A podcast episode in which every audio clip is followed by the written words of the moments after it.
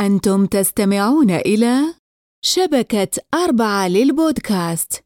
معكم أينما كنتم. لما ماما تقولك يلا تنام تعالى هنا يا شطور وإنت يا أمور. واسمعوا عندنا أجمل الحكايات في بودكاست يلا تنام.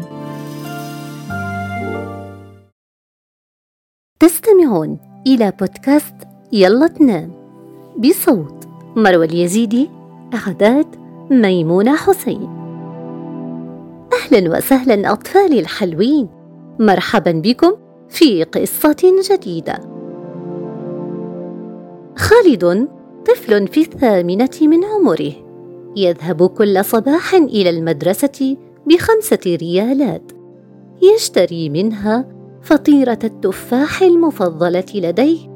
وقارورة ماء صغيرة ثم يخبئ الباقي منها في حصالته الصغيرة التي يأخذ منظرها شكل الكرة المستديرة وهكذا يفعل كل يوم. إلى أن سمع معلم اللغة العربية يردد بصوت عال في أحد الفصول الدراسية. أيها الأطفال! العطاء صفة الشجعان. وقف بصمت وظل يفكر ويتساءل ما هو العطاء؟ ما الذي يجب علي فعله حتى أكون شجاعا كما قال المعلم؟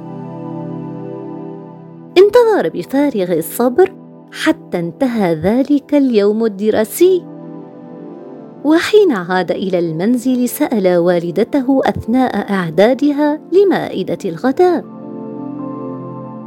ما هو العطاء يا أمي؟ أجابته الأم بابتسامة عميقة. ما المناسبة يا ولدي؟ قال هكذا فقط سمعت المعلم اليوم يقول أنها صفة الشجعان وأنا أريد أن أكون منهم. أمسكت الأم بيده وقالت العطاء هو أن تهدي الناس مما تحب. ابتسامتك عطاء ومساعدتك لصديقك عطاء وطيبتك أيضا عطاء. قال الله تعالى في القرآن الكريم لن تنالوا البر حتى تنفقوا مما تحبون. وهذا يعني أننا حين نعطي من أغلى ممتلكاتنا سيعطينا الله خيرات كثيرة. والأهم يا بني هو أن يكون عطاؤك سر بينك وبين الله حتى يكون الأجر أعظم.